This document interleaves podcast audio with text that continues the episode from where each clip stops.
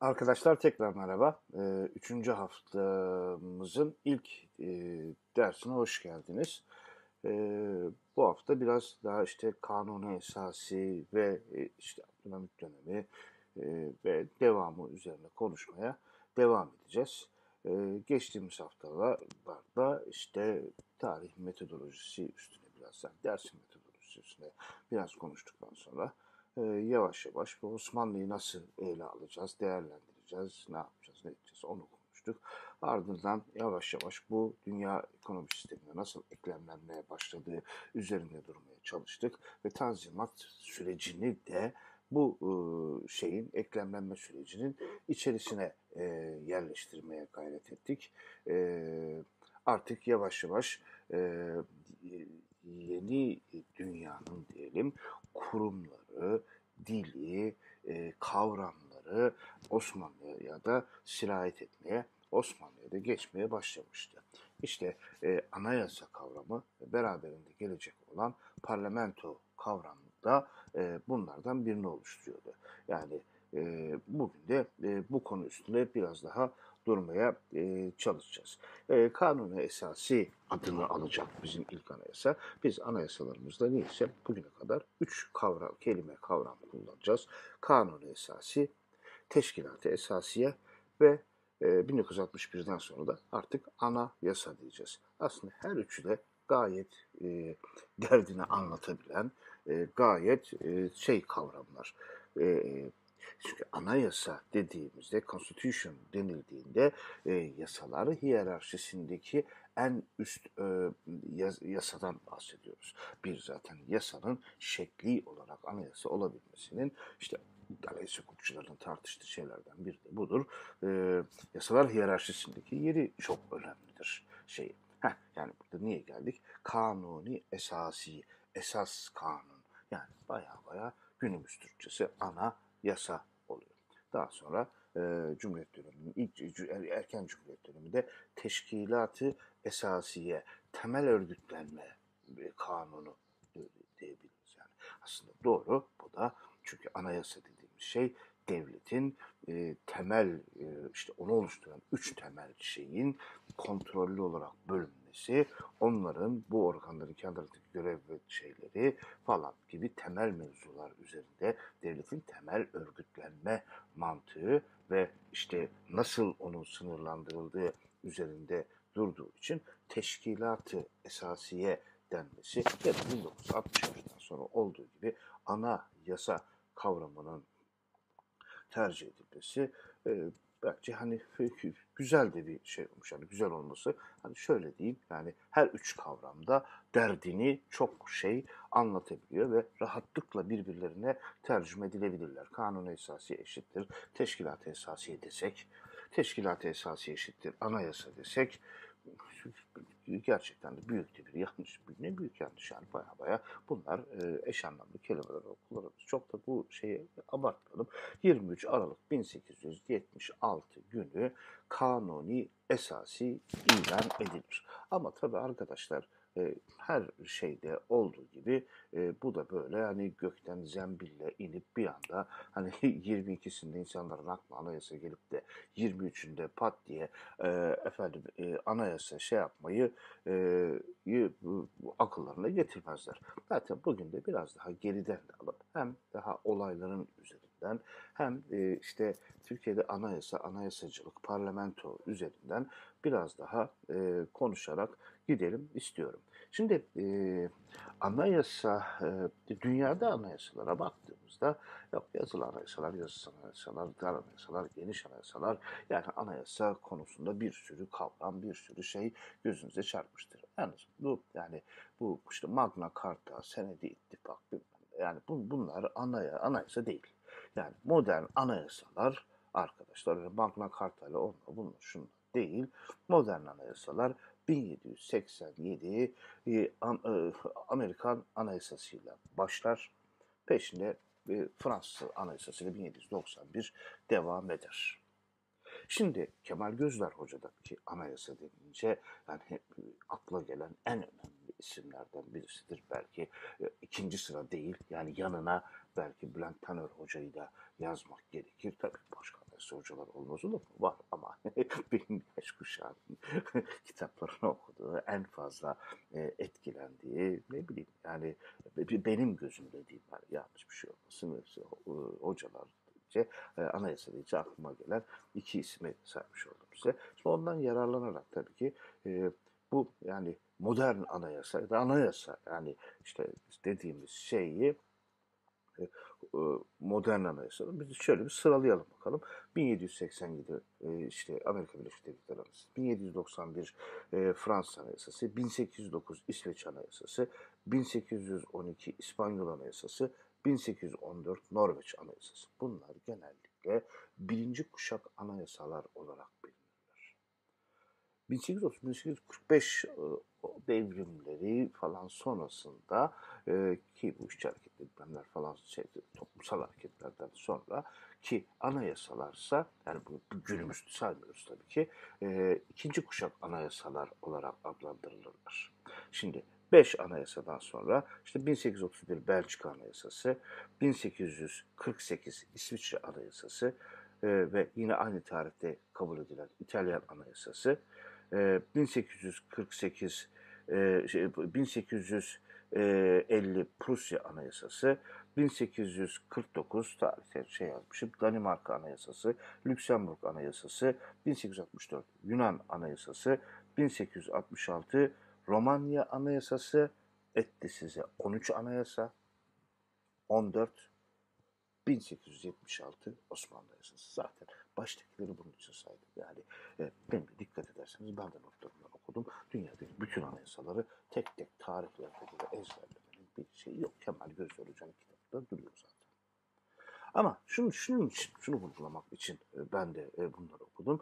Yani evet keşke gönül, gönül isterdik ile tarih olmuyor tabi ama gönül isterdik. Yani dünyadaki ilk anayasa bizim anayasamız olaydı. Acaba ne olur hiç bilmiyorum falan filan ama yani baktığımızda e, dünyadaki ulus devletleri ve anayasacılık şeylerine baktığımızda e, bu böyle bir anayasacılık konusunda oldukça geri, oldukça böyle hani işte zurnanın son dediği falan sayılamayacağımızı ikinci kuşak anayasaların son demlerine denk gelen bir anayasa şeyimizin olduğunu söyleyebiliriz. Mesela bizden sonra 15. sırada 1887 yılında Hollanda Anayasası'nı ve ondan sonra mesela Japonya Anayasası'nı da sayab sayabiliriz. E, tabii ondan sonra anayasalar olmaz olur mu? Ya da işte anayasalar değişmez olurlar. Yani değişiyorlar Amerikan Anayasası dahil olmak üzere. Elbette ki değişiyorlar. Yani bu anayasaların işte değişimlerine göre, değişme usullerine göre katı anayasalar, e, işte yumuşak denmez ama kolay değişen anayasalar, zor değişen anayasalar falan. Yani bunların ayrıntıları anayasa hukuku dersine girdiği için çok şey yapmaya gerek yok. Peki 1700'lü yılla, 18. yüzyıldan evvel ilk anayasa madem Amerikan Anayasası ve 1700'lü yılların sonunda ve Fransız Anayasası 1700'lü yılların sonunda e, şey yapılmışlar ilan edilmişler. Şunu da sormak gerekiyor insanlar. Yani bizler 1876'ya gelmedik dikkat ederseniz. Peki e, e, iktidar hiçbir şekilde e, kendisini sınırlı hissetmez miydi e, 17. yüzyıla kadar? Ederdi. Yani iktidarı sınırlayan e, yasalar olur idi. Ama bunlar mesela e, Osmanlı'da olduğu gibi daire adalet gibi efendim işte şeyler daha soyut hani böyle madde madde madde şey yapmayan ve böyle bir teknik bir açıdan devlet organlarını tanımlayıp onların birbirleriyle ilişkilerini tanımlayıp orada bireye bir özgürlük alanı açacak şekilde birey devlet ilişkilerini de düzenleyen kodifiye edilmiş yasalar şeklinde değillerdi. Aradaki fark. Yoksa moral açıdan, etik açıdan efendim bireyle, e, tebaasıyla kurdukları ilişkilerde e, dediğini sınırlayan şeyler evet vardı. Mesela Osmanlı işte halka reaya, reayaya adaletle hükmetmek zorunda. İyi ne güzel. İktidarı sınırlar mı bu? Evet sınırlar. Nasıl sınırlar? Müphem. Belli değil.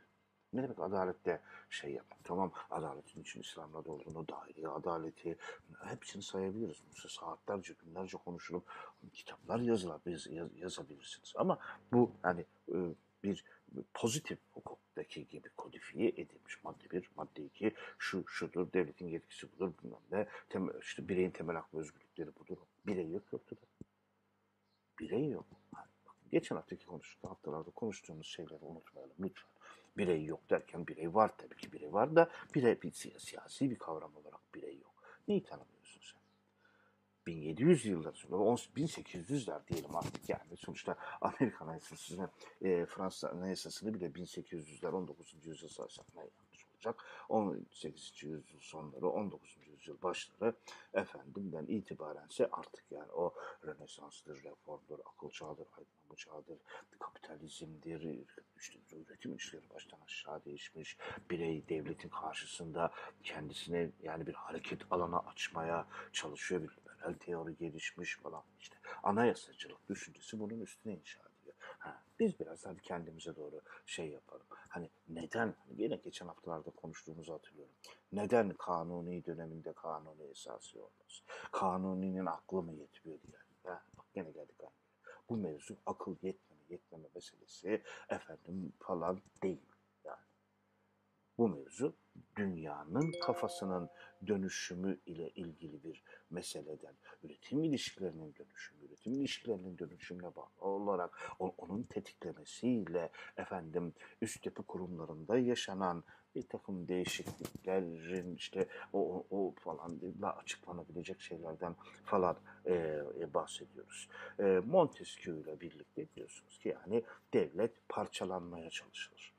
Biz bu devlet parçalanma ve lafını yan yana koyduğumuz zaman tüylerimiz diken diken olur. Azından çoğunluğun tüyleri diken diken olur. Buradaki buradaki parçalanma devletin organlarının sistematik olarak parçalanması. Temel mantıksa şu arkadaşlar anayasada biliyorsunuz. Yani bu devlet denilen heyula işte yasayı yapan, çıkartan, onu uygulayan, onunla ilgili anlaşmazlıkları çözen muazzam bir güce sahip. Bu güç kendi içerisinde sistematik olarak parçalanmaz. Yasanın yürütme yargı. Yasayı yapanın yürütmeyi denle arasındaki denge, yargının her ikisinin dışında falan şey yapması gibi işte bu parçalanma sağlanmazsa bireyin özgürlüğünün e, önündeki e, önünde büyük bir tehdit oluşturacağı algısı bütün anayasaların zihinlerinin gerisinde durur arkadaşlar. Heh. 1876'nın gerisinde durur. Ama X anayasası neyi ne kadar sınırlandırır? Bu sınırlandırma reel midir? Y anayasası bunu nasıl yapar? Z anayasası. Hepsi değişir bunlar. 1876'nın arkasında da bu vardır da ne kadar sınırlandırır? Zaten ne kadar ömür olmuştur? Apayrı bir tartışma şeyidir. Şey imzalayan e, anayasayı kabul eden, anayasayı e, kabul ettiğini söyleyen padişah 2. Abdülhamit'tir. E, ve tahta zaten bu sözü vererek e, geçirilir. E, Aralık 1876'da ilginçtir. Hem Abdülhamid'in tahta geçiş serüveni ilginçtir. Hem de anayasanın e, devam ettiği gün, amanın anayasanın kabul edildiği gün toplanan tersane konferansıyla anayasa, bizim anayasa arasındaki bir bağlantı falan da şeydir. Bu biraz İslahat Fermanı Paris Anlaşması'na benziyor. Hatta yani en azından Paris Anlaşması bir, bir, bir ay falan daha geç. 30 Mart'ta var. Yani bir ay daha geç, 15 gün daha geç. E bu aynı gün falan yani. Hatta işte Tersane Konferansı'ndakiler falan da böyle bir şaşıracaklar. ne oluyor falan. Bizimkiler toplar atıyorlar, şeyler yapıyorlar falan böyle e, işte e, görüşmelerde falan filan. Orada işte e, şeye kon, konferansın sekreteri olarak görev yapan Fransa elçiliğinde görevli bir Demoy diye bir adam var. Onun anlarında e, mesela e, mesela ne oluyor? Niye top atılıyor falan. Anayasa ilan ettik falan. Yani işte zaten bu tersane konferansına gerek kalmadı falan. Ama pek de tınlamayacaklar konferans Ama konferansta zaten bu tersane konferansta Haliç'te Haliç Tersanesi'nde Bahriye Nezaretinde toplanan bir e, konferans olduğu için Tersane Konferansı denmiş kendilerine. E, bu şeyin ve hazır madem yeri geldi onu şey de söyleyelim. E, dönem böyle işte bir Bulgar soykırımı tartışmasının yapıldığı dönem. E, Avrupa ayakta. Türkleri Bulgar soykırımı yapmakla suçluyorlar. Avrupa o kadar ayakta ki yani Charles Darwin'den Oscar Wilde'a, Victor Hugo'ya, Mitomar adam bile yani Avrupa'nın en popüler gazetelerinde Türkleri yerden yere vuran e, yazılar falan yazmaktalar. Rivayet diyor ki bizimkiler de böyle çok sağlam böyle efendim Fransızca Fransızca yazılar kaleme alıp okkalı gazetelere gönderiyorlar. Bizimkiler yayınlanmıyor bile. Hani dili kötü yazıyor değil yani yayınlanmıyor bile. Yani Avrupa bayağı bir işte Türklerin Bulgar soykırımı yaptığı şekilde almış şeyi gidiyor. Tabi Bulgar ayaklanmasının bastırılma yöntemlerini, e, Bulgar sosyal hareketlerin bastırılma yöntemlerinin savunacak tarafı falan filan da yok elbette. İşte İngiltere'nin girişimiyle o dönemde arkadaşlar bir yani gelin bir konferans toplayalım. Tabii İngiltere ne zaman böyle bir hayır iş yapsa daha doğrusu işte dünya ekonomik sisteminin korundaki ülke yani dönem değişiyor. Ne zaman gel de şunu şöyle yapalım dese o yani e, pek hayırlı bir işte olmayacağını da söyleyebiliriz. E, ka, e, konferans, to, işte konferans anayasa ilan edilse ya bak biz anayasa ilan ettik. Zaten artık böyle bir Bulgar soykırımı bunlar tarihte kaldı falan gibi bir savunma mekanizması yapılmış şey yapılmaya çalışılsa pek dediğim gibi ciddiye almayacaklar. Sırbistan ve Kar Karadağ için bağımsızlık kararı e, alınacak şeyde e, tersane konferansında. Bulgaristan ve Bosna Hersek'e özellik verilmesi kabul edilecek ama yani e, Osmanlı da bunu kabul etmeyecek. Osmanlı bunu kabul etmeyince efendim şeye e, e, e, Rusya ayaklanacak. E, zaten bizim meşhur 93 Harbi de aslında 1293'te e, eski takvimde 1293'te şey olduğu için tarih 93 Harbi e, diye geçiyor. 1877-78'e denk geliyor da. E, şeyde işte Osmanlı-Rus Savaşı da 93 Harbi'de e, başlamış olacak bu vesileyle. Aslında bunun da bizim gene anayasayla alakası var. Şöyle toparlayalım detayları bir kenara koyarak. Ya tersane konferansı ile anayasanın kabulü hoş bir çok bir etkisi olamayacak ama yani tersane konferans toplandığında anayasa o günü böyle bir şey yetiştirilmeye çalışacak. Bak zaten biz anayasayı ilan ettik. O eski günler eskide kaldı. Daha işte Tür Osmanlı demokratikleşiyor değil. Tabii ki öyle bir tartışma yok. Gibi tartışmalar e, şey yani buna vesile olur diye düşünürken pek ciddiye alınmayacak. Tersane konferansının kararları açıklanacak. Ama bu sefer taraflar yok diyecekler Osmanlı'da dahil. Biz bu kararları kabul etmiyoruz, destekliyoruz. Bunun üstüne savaş başlayacak. İşin ilginci bizim 1876 Anayasası'nın ipinin çekilmesi de yine tersane konferansının kabul edilmemesinde kararlarının kabul edilmemesinden sonra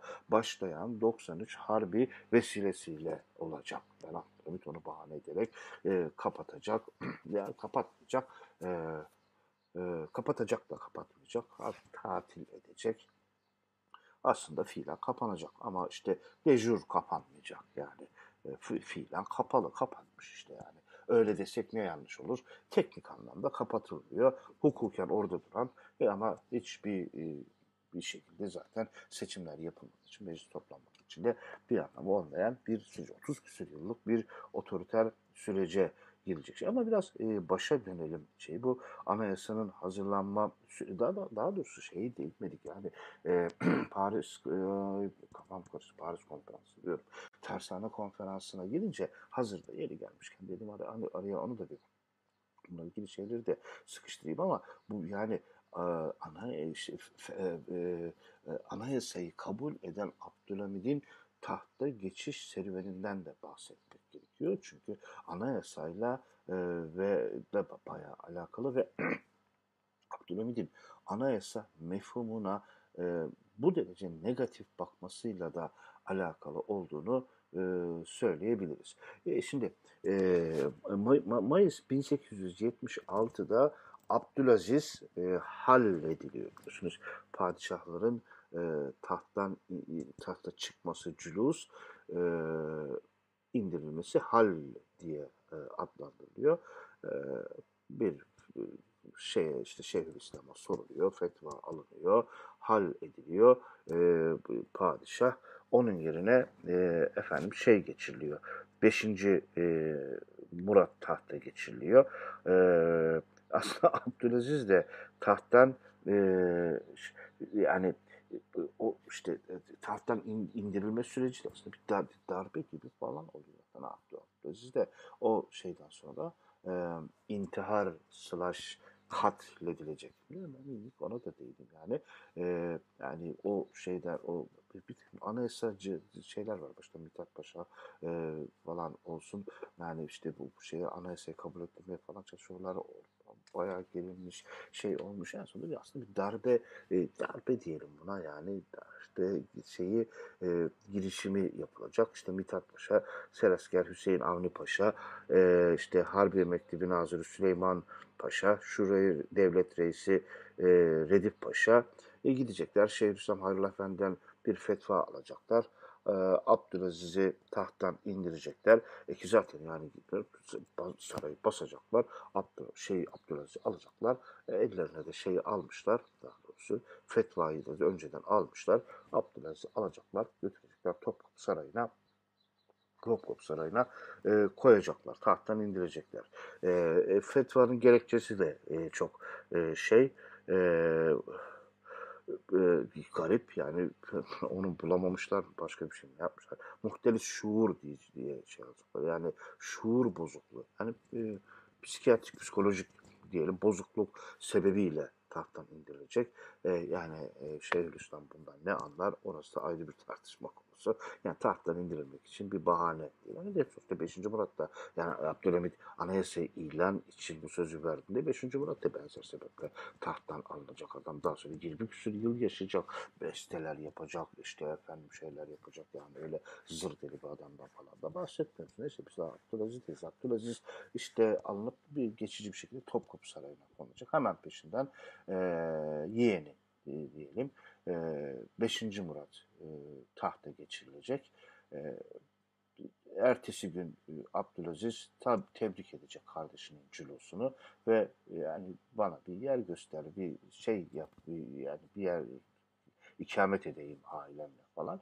E, Feraye sarayları da yer göstericisine yani yan saraylardan, e, ikincil saraylardan e, birisi gösteriyor. E tabi padişah değil sana hani ana sarayda bir yerde yer verecek hali yok. E, oraya git falan diyecek 5. Murat. Oraya taşınacak. 4-5 gün, 4-5 gün zaten ondan sonra da e, bilekleri kesilmiş şekilde ölü bulunacak. Çok şaibeli bir şey. E, böyle doktor incelemesine bile izin verilmeyecek. Şey yapılmayacak. Sınav işte padişahın siz açıkta şey mi yapacaksınız falan filan. Aslında bir oldu bittiye getirilecek. İki bileğini kestiği söyleniyor. Ama e, iki insanlar iki bileklerini keserek intihar edemezlermiş. Yani tabii yani illa bir teknik ayrıntıya bile gerek yok ne gerek var. Ee, yani tahttan indirilmesi de oldukça şaibeli bir şey. Biliyorsunuz e, şey e, Abdülaziz Efendi'nin e, diyelim Padişah Abdülaziz'in e, oğlu Abdülmecit Efendi son halife. Padişah olmadan halifelik yapan son halife. Unutmayın ki bu adam e, garip de bir adam son halife. E, orta kalibrede yani e, Avrupa camiasında yani e, en iyi ressamlar değil ama e, böyle bir ressamlar arasında e, adı anılan falan işte orta kalibrede bir ressam o falan da bir adam. Yani hayli entelektüel bir kişiliği şeyi var şey bir diğer oğlu aslında şeyin hmm, Abdülaziz'in Yusuf Paşa da e, işte efendi de e, Efendi de e, garip bir şekilde e, intihar etti denilecek. Onun intiharı da e, bayağı bir e, şaibeli şey. Yani bu intihar, bundan ayrıntılarına girmeye şey gerek yok. Aklıma geldi şeyi söyleyeyim dedim. E, Abdülaziz tahttan indiriliyor. 5. Murat tahta getiriyor. 5. Murat'ın padişahlığı 3 ay civarları ya sürecek ya sürecek. 90 küsür gün, 30-60-90 gün anca sürecek. E, ondan sonra işte Abdülhamit tahta e, geçirilecek. Ne, neyle geçirilecek? E, efendim e, şeyi e, anayasayı kabul edeceğim tamam beni tahta geçin Bir nevi aslında işte Mithat Paşa'dır, Ali Suavi'dir, Şinasi'dir bunların biraz hani e, oyuncağı gibi tahta geçer. Ve tabii ki Abdülhamit gibi biraz saplantılı da bir ismin hem anayasa kavramına çünkü hani anayasayı ilan etmek için bir söz veriyor ve birileri onu şeye getiriyor. Hem de gücünü sağlamlaştırmak için bunları tasfiye etmesi gerektiği düşüncesinde Abdülhamit'in kafasına da aslında e, yer etmesine de e, vesile olacak. E, şeyi toparlayalım. E, işte e, 23'ünde Aralık 1876 anayasa kabul ediliyor. Efendim tersane konferansı orada toplanırken top atışları, hukuklu bilmem neler falan filan pek de kimse ciddiye de almıyor. Tersane konferansındakiler ciddiye almıyor falan filan. Neyse işte ana, anayasa gereği seçimler yapılıyor efendim ikili bir meclis sistemine geçilecek arkadaşlar. Birazdan ona da geleceğiz. Ee, bir meclisi umumi var, genel meclis. O meclisi umumi içerisinde bir meclisi ayan, bir meclisi mebusan var. Ayan adı üstünde biz bu ayan mevzunu ta toprak sistemi e, efendim e, toprak sistemi ile ilgili konuşurken şey yapmıştım. Ayan bütün Osmanlı şeyinde zaten vardı ama hani o ayanın mültezimleşmesi, efendim bir e, işte yerel güç haline gelmesi falan süreci e, demiştim size e, daha sonra hatırlatmak için söylüyorum. Buradaki ayanın da o senet ittifaktaki ayanla falan alakası yok arkadaşlar. E, ileri gelenler yani bu şey yani üst meclis anlamında şeyi e, meclisi mebusansa alt meclisi avam kamerası İngiltere'deki tabiriyle e, de diyebiliriz. Avam meclisi, e, genel meclis, TRTA diyelim buna. Üçüncü meclis e, şeyi, e, sınıf meclisi da denk geliyor mu? E, geliyor. Niye gelmesin yani?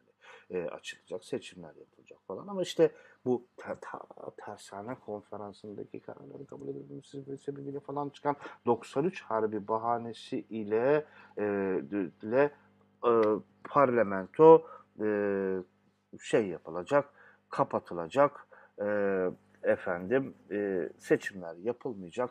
Bu süreç e, 1878 diyelim, e, 1908 yılına yani meşrutiyetin tekrar ilan edildiği tarihe kadar devam edecek bu süreçler.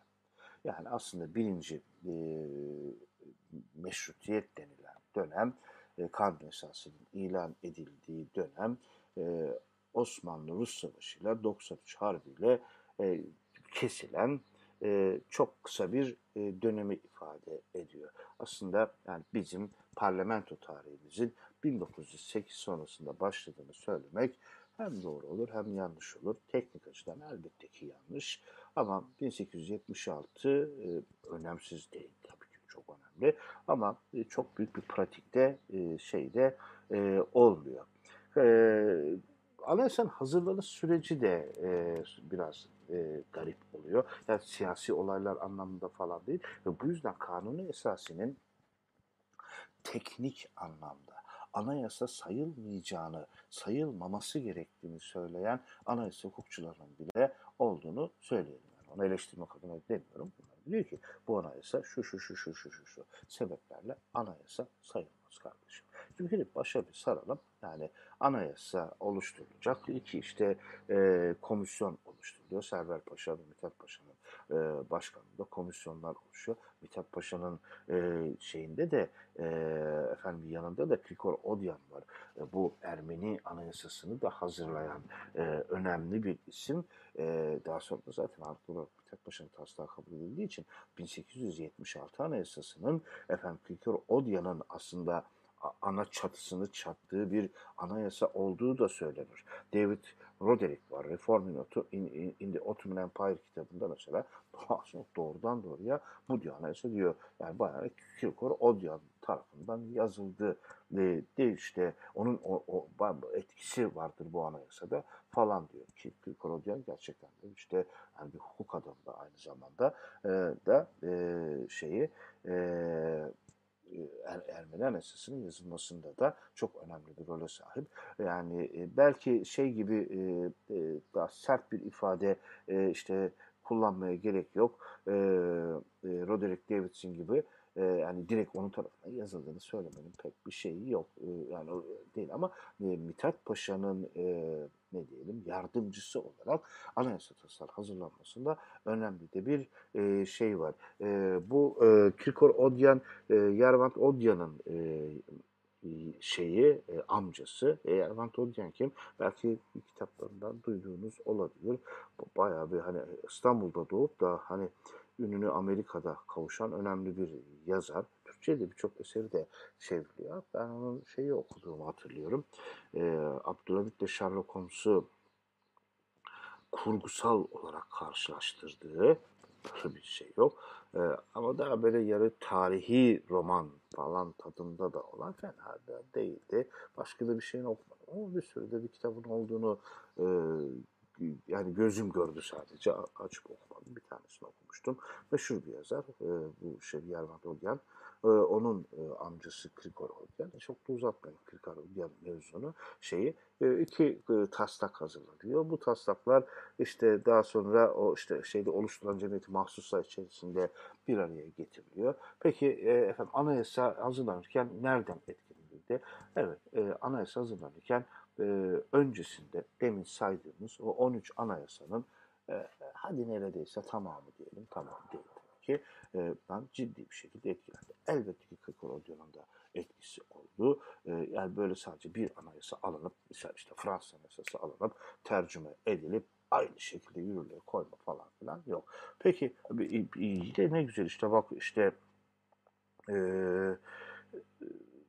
anayasa hazırlanması için uğraşılmış, edilmiş, e, bilmem ne yapılmış. E, neden peki e, şey yapılmıyor?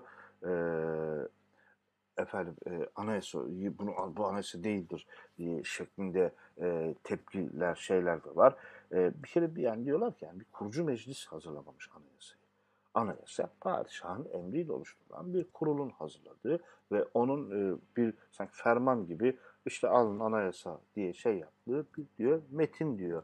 E, bir diyor yani bir referandum da yapılmamış diyor. Bir kurucu meclis de hazırlamamış. Teknik yönlerden onu anayasa olarak kabul etme açısından eksiktir bu anayasa diyor ve hukuki biçim itibariyle olsa olsa fermandır diyor. Şimdi bu ya usule ne takıyorsun işte anayasa falan. Şimdi hukukçular biliyorsunuz yani usul esasa mukaddemdir derler. Önemlidir de yani e, usul esasa mukaddemdir yani usul önce gelir. Yani bir dava görüş, bir hukuk şey görüşülecekse e, esasa geçilebilmesi için usul sorunlarının halledilmesi gerekir. E, tabii yani illa bu e, bunu söyleyen hukukçuların doğru söylediği ve kanunu esası asla anayasa kabul öyle değil. Onu demiyorum. Zaten bu işten anlamamız.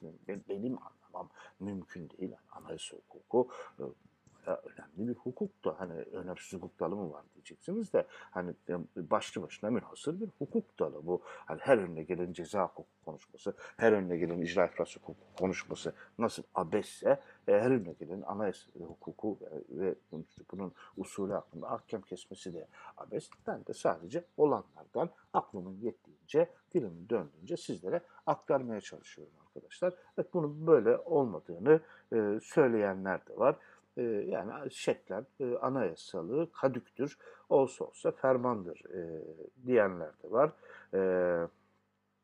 Bağımsız bir organ tarafı, yani kurucu meclisten vazgeçtik, bağımsız bir organ tarafından bile şey yapılıyor. Baya baya bir cemi, şey, bir şey, bir, ne diyelim, komisyon işte cemiyeti mahsusayla şey yapılıyor, hazırlanıyor ama Mithat Paşa ve e, doğruya doğru Kırkorodyo'nun e, etkisi diyelim. Onların bayağı belirleyiciliğiyle şey yapılıyor, e, anayasa kabul ediliyor. Anayasada birçok hak ve özgürlük aslında tanımlanıyor da yani 1876 Anayasası'nda. mesela 8. maddesi aslında vatandaşlık hakkı tanımlanıyor. Bakın biz işte bu kavramlar mevzunu konuşmuştuk. Bu kavramlar çok önemli. Bak bunu şuna benzetebiliriz. Yani e, bu, bu kavramlar yepyeni kavramlar. Yepyeni kavramlar. Yeni dünyanın artık Osmanlı'nın da içinde, periferisinde falan yer almaya başladığı dünyanın kavramları bunlar. Ora için de yeni. Osmanlı için daha yeni. Ama vatandaşlık kavramı, vatan, vatandaşlık, patriot, patriotizm kavramları e, kavramın köklerini alıp gittiğinde mutlaka eski Yunan'a gidiyordur, Roma'ya gidiyordur ama modern kavramlar bunlar. Bu kavram modern kavram.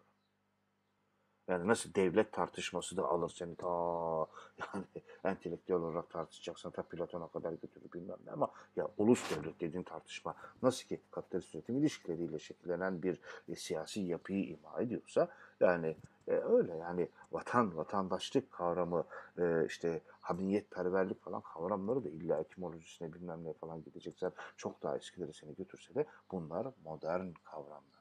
Bunlar işte o e, yeni Osmanlı'nın da içerisinde yer almaya başladığı o dünya sisteminin e, kavramları diyelim. Mesela vatandaşlık hakkı tanımlanıyor. E, 9. maddede kişi hürriyeti tanımlanıyor.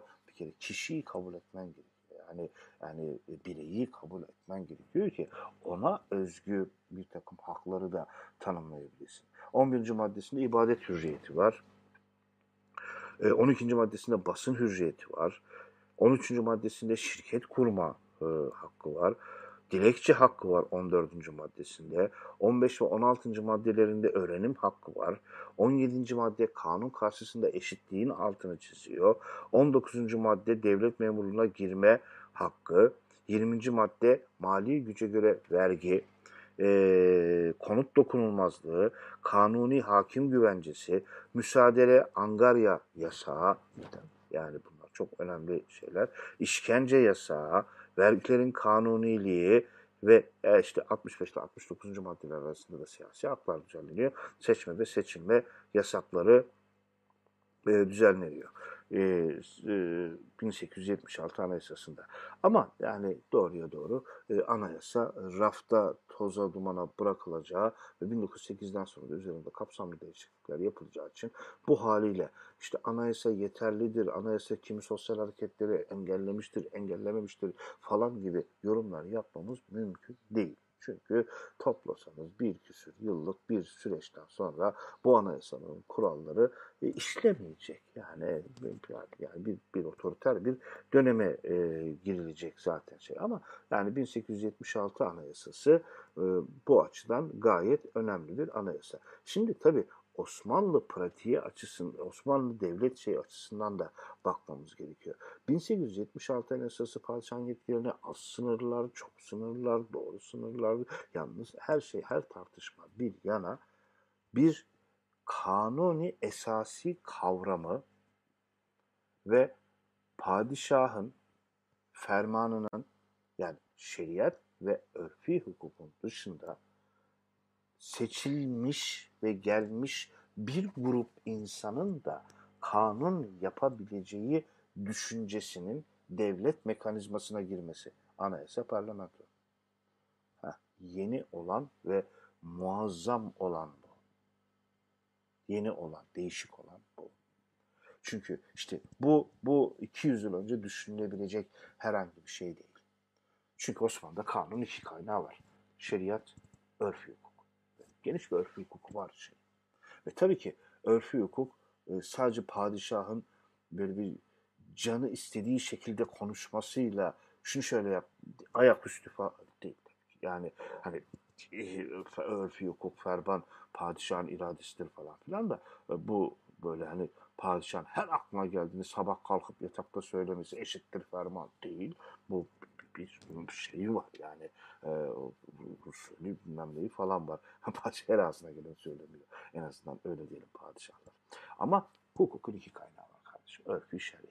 E sen şimdi bak hani e, bu örfü örfü hukuk falan değil bu. Bu baya baya bir grup seçilmiş adam tam ayan padişah tarafından seçiliyor falan ama yani bir grup adam böyle seçilmiş böyle seçilmiş. Yasa yapıyor.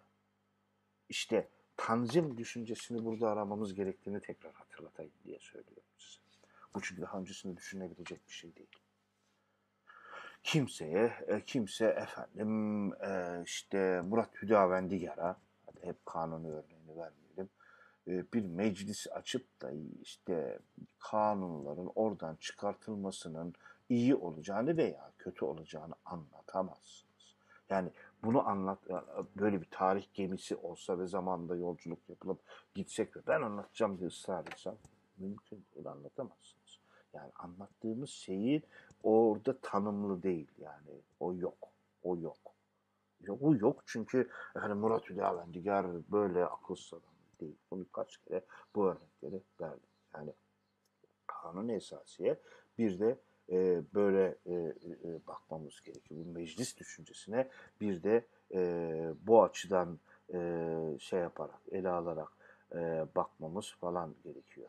E, yani bu şeyden sonra arkadaşlar e, kanun esasinin kabul edilmesinden sonra e, Osman e, Osmanlı Savaşı bir 93 Harbi çıkacak. 93 Harbi'nin de biraz işte bahanesiyle önce işte zaten Mithat Paşa Şubat 1878'de sürgüne gönderilecek. Tüm bu olaylardan sonra işte Ali Suavi eyvah biz ne yaptık yahu bu adama güvendik Abdülhamit için diyorum. E, da e, anayasayı kabul edeceğim dedi. Biz de bunu rahat elimizde oynatırız diye düşündük. Bunu ben söyletiyorum Ali Suavi'ye. Tabii ki ama böyle düşüncenin olduğunu rahat rahat söyleyebiliriz diye düşünüp e, yandım Allah 5. Murat'ı tekrar nasıl tahta çıkartırız diye e, bir plan yapıp bayağı yanına yandaşlarını alıp Çırağan Sarayı'na Abdülhamid'in e, tahttan indirmeye giderler. E, yani şey, alışkınlar Abdülaziz de böyle tahttan indirilmişti yani.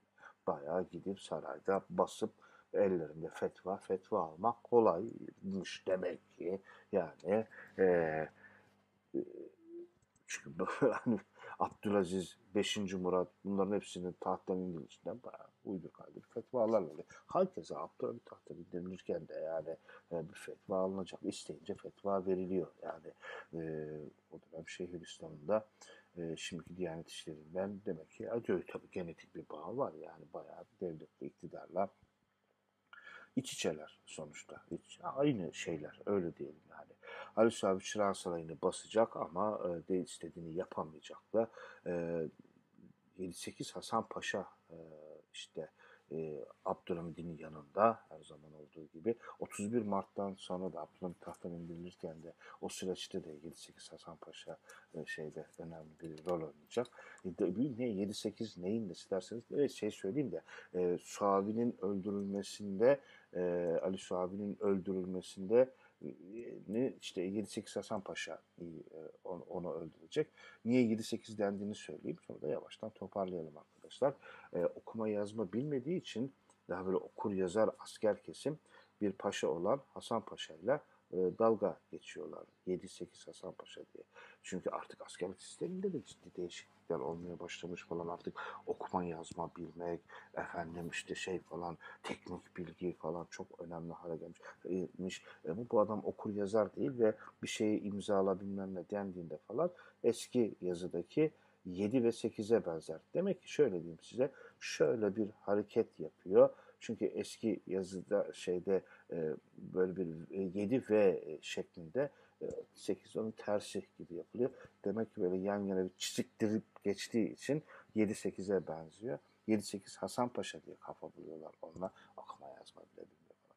Ve gerçekten yani e, daha bu hani e, modern öncesi ordularda okuma yazma bilmek gerektiğiydi de bizimkiler bilmiyordu bir eksiklik miydi? Yok gerekmiyordu. Topografya bilgisi ki bu da yani görerek şey yapıyor. Yani nerede dağ var, nerede nehir var, nereden geçilir, nerede ne, nehir ne zaman efendim işte e, debisi artıyor oradan o, o zaman da ordu geçmez. Nerede derinleşiyor, nerede dağ bunların bilgisi. E bunların bilgisinin içinde coğrafya kitabı olmadan da edinilebiliyor. E, ve orduyu organize edenler ve bu bilgiye sahipler. Ayrıca yani örgütlenmek çok önemli okur yazarlıktan daha ziyade. Daha önce bunu yine toprak sistemi mevzunda konuşmuştuk. Ama bütün bunlar artık e, değişmiş artık e, yani yavaştan e, sanayi dönemi ordularına. Yani ordu ve savaş dediğimiz şey de üretim ilişkilerinden ayrı şeyler değiller. Yani sen orduda tankı e, konuşabilmen için değil mi arkadaşlar? Yani e, sanayi devrimini konuşman gerekiyor. Ordu e, üretim ilişkilerinden yine diyorum ve toplumsal örgütlemelerden ayrı bir şey falan değildir. Neyse biz şeye gelelim. E, Ali Suavi'nin de öldürülmesi, Mithat Paşa'nın sürgüne gönderilmesi, efendim şeyden sonra 93 Harbi'nden sonra e, parlamentonun anayasal şeyin e, tatil edilmesi ve bir daha o tatilin hiç bitmemesi, 1908'e kadar hiç bitmemesiyle e, Osmanlı İmparatorluğu yepyeni bir e, döneme giriyor. E, yani taht oyunlarından, Game of Thrones'tan hayli tedirgin olan Abdülhamit haklı yönleri var ve var. Yani yani e, ipi elimden bırakırsam diye büyük ihtimalle e, yani sonum en iyi ihtimalle e, işte 5. Murat gibi en kötü ihtimalle e, şey gibi olacak yani Abdülaziz gibi olacak. Yani, ya bileğini kesti, ayağını kesti falan diye öldürüp bir kenara atacaklar. Ya en iyi ihtimalle 5. Murat gibi yapacaklar. Da bilincinde. Tabii ki bu yani daha konuşacağız bunu. Abdülhamid'in bir despotik monark olduğu yine sosyal bilim kavramlarıyla e, aydınlanmacı bir despot olduğu şeyini değiştirmiyor. Yani sadece dindarlığı ile e, çizilen Abdülhamit portresi eksik bir portredir. E, evet o otoriter bir adam, otoriter bir yönetim şey var. Modernleşmeci bir adam. Öyle yine çizildiği gibi e, salt böyle dini şeylere önem veren bir adamdan falan bahsetmiyoruz. Çok sağlam bir klasik müzik dinleyicisi olduğunu, entelektüel yönünün olduğunu falan da söylemek gerekiyor. Unutmadan söyleyelim. E, çok e, kayda değer bir e, ahşap ustası olduğunu da e, belirtmek gerekiyor. E, Abdülhamit dönemini ayrı konuşmak gerekiyor. Çünkü Abdülhamit döneminin bazı şeylerini konuşmadan milli mücadeleyi anlatmam e, biraz zor olacak. Yani treni telgrafı konuşmadan milli mücadeleyi konuşamayız. E, bunlar içinde Abdülhamit dönemini konuşmak gerekiyor. Aslında Abdülhamit dönemini azıcık da olsa konuştuk. Nasıl konuştuk? Yani konuşmadık ama şöyle bir bahsettik diyelim.